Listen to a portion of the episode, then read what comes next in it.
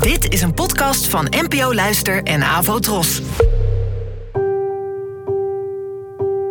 Poëzie vandaag. Met Ellen Dekwits.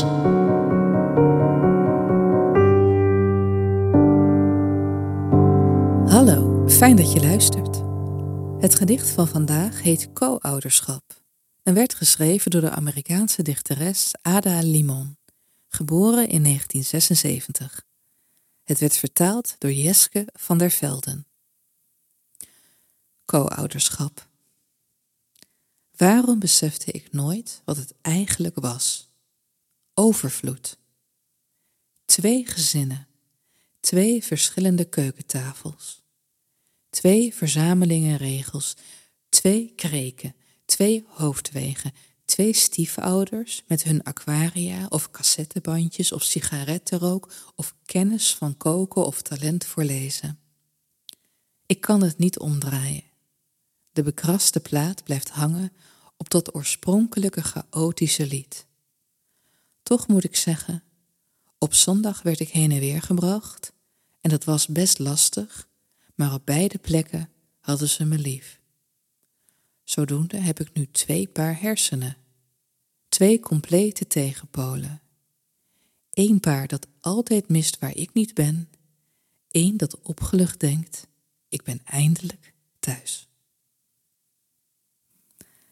Wat ik zo ontzettend fijn vind aan gedichten is dat ze de andere kant van dingen kunnen tonen. En vaak is dat de wat minder mooie kant of de wat meer verontrustende kant.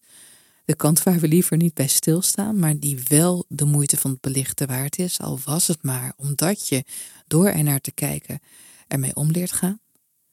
Maar in dit gedicht van Ada Limon, die trouwens ook momenteel de Amerikaanse dichter des vaderlands is, gebeurt het omgekeerde.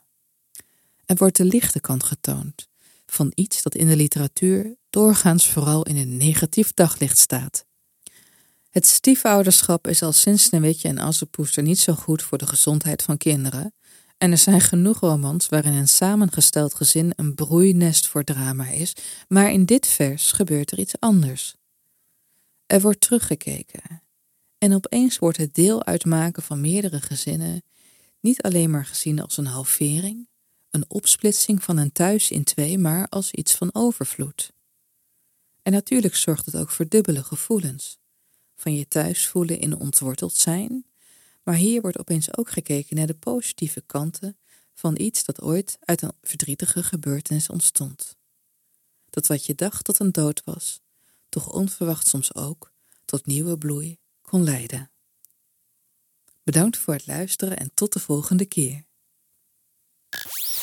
Abonneer je op deze podcast via de gratis app van NPO Luister. Daar vind je ook een handig overzicht van het complete podcastaanbod van de NPO.